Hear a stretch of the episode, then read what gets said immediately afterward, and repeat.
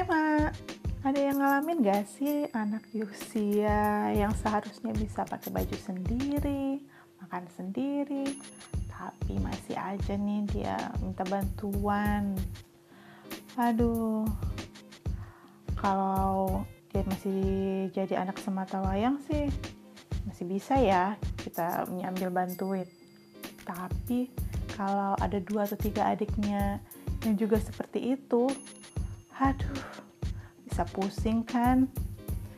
Hmm kalau kata orang usia itu nggak mengenal atau usia itu nggak menjamin kedewasaan seseorang. Ternyata usia juga nggak menjamin uh, seseorang lebih mandiri.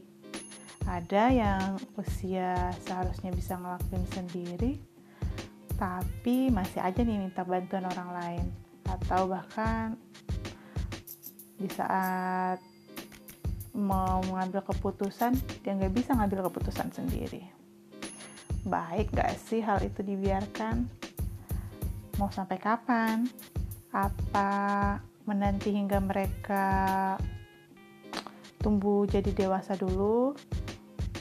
Atau ternyata sebenarnya kemandirian itu perlu disiapkan sejak dini Ya, saatnya kita kupas di sini di Cucumber Cup-Cup Emak Bermanfaat seputar kemandirian.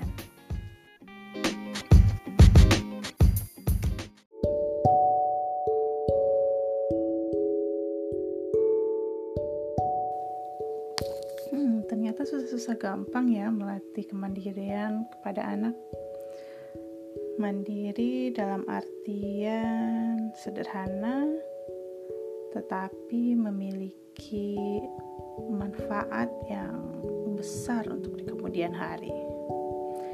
Percaya nggak sih, Mak, kalau setiap anak itu cenderung memiliki potensi untuk mandiri loh. Karena setiap anak dikaruniai perasaan, pikiran, dan kehendak sendiri sesuai pada fase-fase perkembangannya. Nah, hal itu mempengaruhi dalam kehidupan kelak dia dewasa nanti.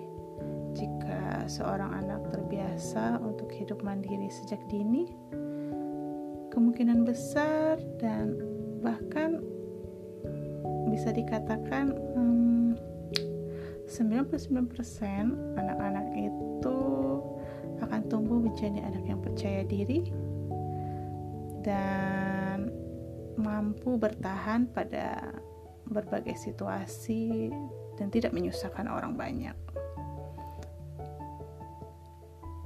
Beberapa kali saya mm, melihat atau ya mengamati anak-anak di rumah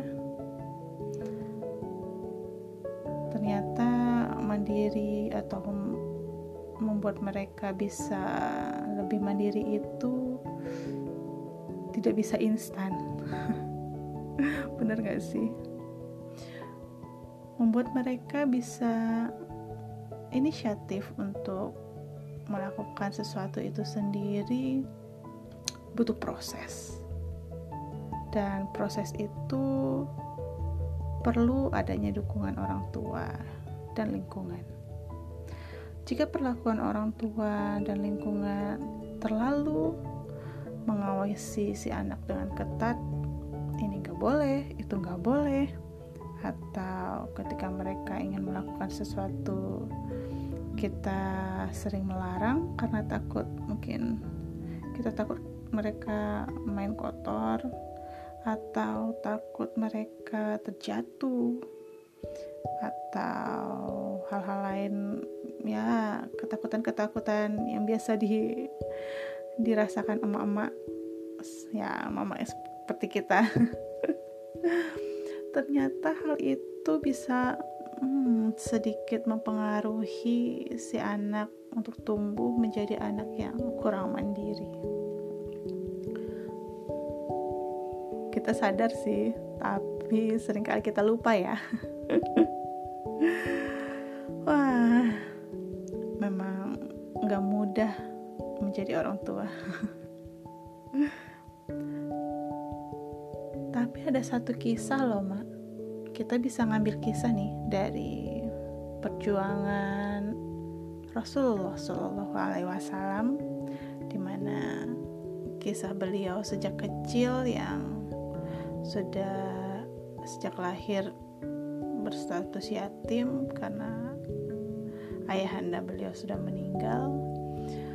Hidup bersama ibu dan di saat usia beliau enam tahun sang ibu pun meninggal dunia. Beliau hidup sendiri bersama dirawat oleh kakeknya. Namun pada usia 8 tahun pun kakeknya meninggal dunia dan beliau tinggal bersama paman beliau Abu Talib. Nah mm, pada kisah tersebut banyak loh hikmah tentang melatih kemandirian yang bisa kita ambil. Contohnya di saat beliau tinggal bersama paman beliau yang secara perekonomian tidak tidaklah orang kaya dan memiliki banyak anak sehingga Nabi Muhammad berusaha untuk hidup mandiri dan membantu perekonomian pamannya. Hal yang biasa dia dilakukan oleh Nabi Muhammad saat itu yaitu mengembala kambing dan dari hasil mengembala itu beliau gunakan untuk membantu perekonomian pamannya. Saat mulai besar pun beliau diajarkan dan diajak pamannya berdagang. Cara paman beliau dengan mengajak beliau ikut berdagang berarti memberi kesempatan kepada kepada Nabi Muhammad yang saat kecil itu untuk ikut serta dan membiasakan diri tentang tahu tentang bagaimana seluk-beluk berdagang. Nah, kita bisa mengambil kesimpulan dari cerita itu ketika seorang paman mengajak, berarti itu sama dengan memberi kesempatan. Begitu juga kita. Kita sebagai orang tua untuk melatih kemandirian seorang anak dengan cara mengajak mereka. Mengajak mereka dan memberikan arahan, memberikan pengetahuan tentang misalnya mereka kita ajarkan untuk mandiri di saat usia mereka tiga tahun bagaimana cara mandi? Mandi dengan sendiri. Kita kenalkan mereka dengan sabun bagaimana penggunaannya. Kita kenalkan mereka dengan sikat gigi dan odol, bagaimana cara mereka menggunakannya, dan peralatan-peralatan yang ada di sekitar mereka. Dengan mengajak kita mengajak mereka mengenal itu terus-menerus hingga mereka terbiasa, sama halnya dengan kisah pada Rasulullah yang akhirnya terbiasa berdagang dengan pamannya dan hal itu membuat Rasulullah memiliki ilmu tentang berdagang dan di usia beliau dewasa beliau sudah mandiri dan mampu berdagang sendiri tanpa ditemani oleh pamannya lagi. Nah, kita juga berharapnya seperti itu pada anak-anak kita berikan mereka pengetahuan dulu sehingga mereka terbiasa dan dari terbi kegiatan yang terbiasa itu mereka uh, akan timbul kepercayaan dirinya untuk melakukan hal-hal yang mungkin sudah bisa mereka lakukan sendiri.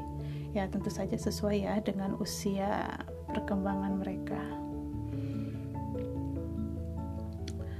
Nah Selain itu, ada beberapa hikmah lagi nih yang bisa kita ambil dari cerita kisah Rasulullah di masa kecil.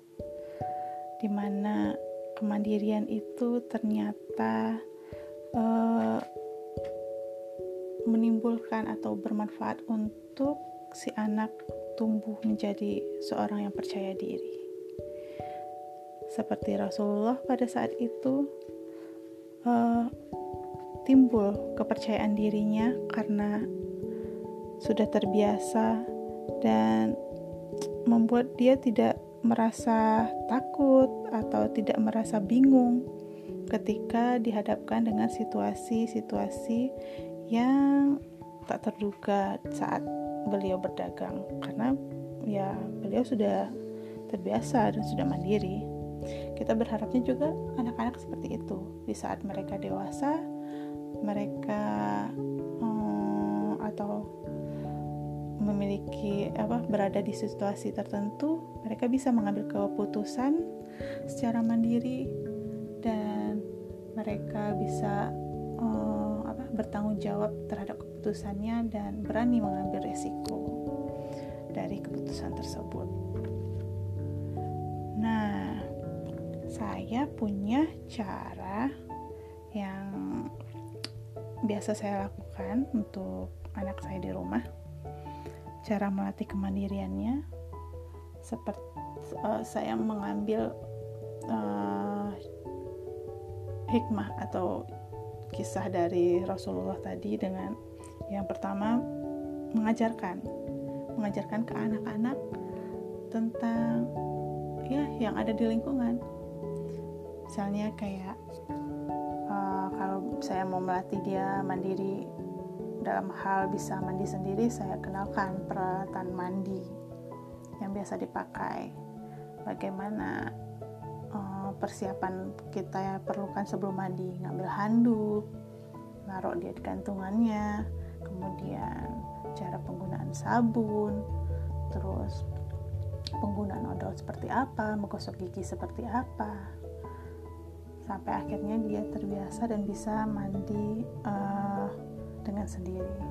Atau kita uh, melatih kemandiriannya dengan makan sendiri, ya kita ajarkan dan kita hmm, kasih tahu kalau ini loh piring, ini sendok, dan ini tempat kita ngambil nasi, tempat ngambil lauknya, dan bagaimana caranya, tata uh, adab-adab makannya. Nah, setelah kita ajarkan ke mereka, kita beri ke uh, kepercayaan kepada mereka. Kita beri kepercayaan penuh sehingga mereka pun pede melakukannya. Namun, kita tetap mengawasi karena ya namanya anak-anak masih dalam proses jadi uh, ada hal-hal yang terkadang mereka tidak tahu dan butuh pengawasan dari kita agar tidak terjadi hal-hal yang berbahaya buat mereka nah yang paling penting nih walaupun ini terakhir tapi ini paling penting adalah memberikan apresiasi setiap hal-hal yang mereka lakukan walaupun sekecil apa pun uh, tetap kita kasih apresiasi agar mereka tetap bersemangat untuk melakukannya lagi. Nah, dengan cara itu saya melatih kemandirian kepada anak saya. Mungkin hmm, mama di rumah bisa juga mengadopsi cara saya atau punya cara khusus untuk melatih kemandirian anak-anak di rumah. Sekian dulu uh, sharing saya tentang kemandirian. Semoga bermanfaat. Dan terima kasih sudah mendengarkan. Jadi, kita bisa menarik kesimpulan tadi. Ada empat poin yang uh, bisa dilakukan untuk melatih kemandirian yaitu ajarkan, berikan kepercayaan, awasi, dan beri apresiasi. Selamat mencoba. Assalamualaikum warahmatullahi wabarakatuh.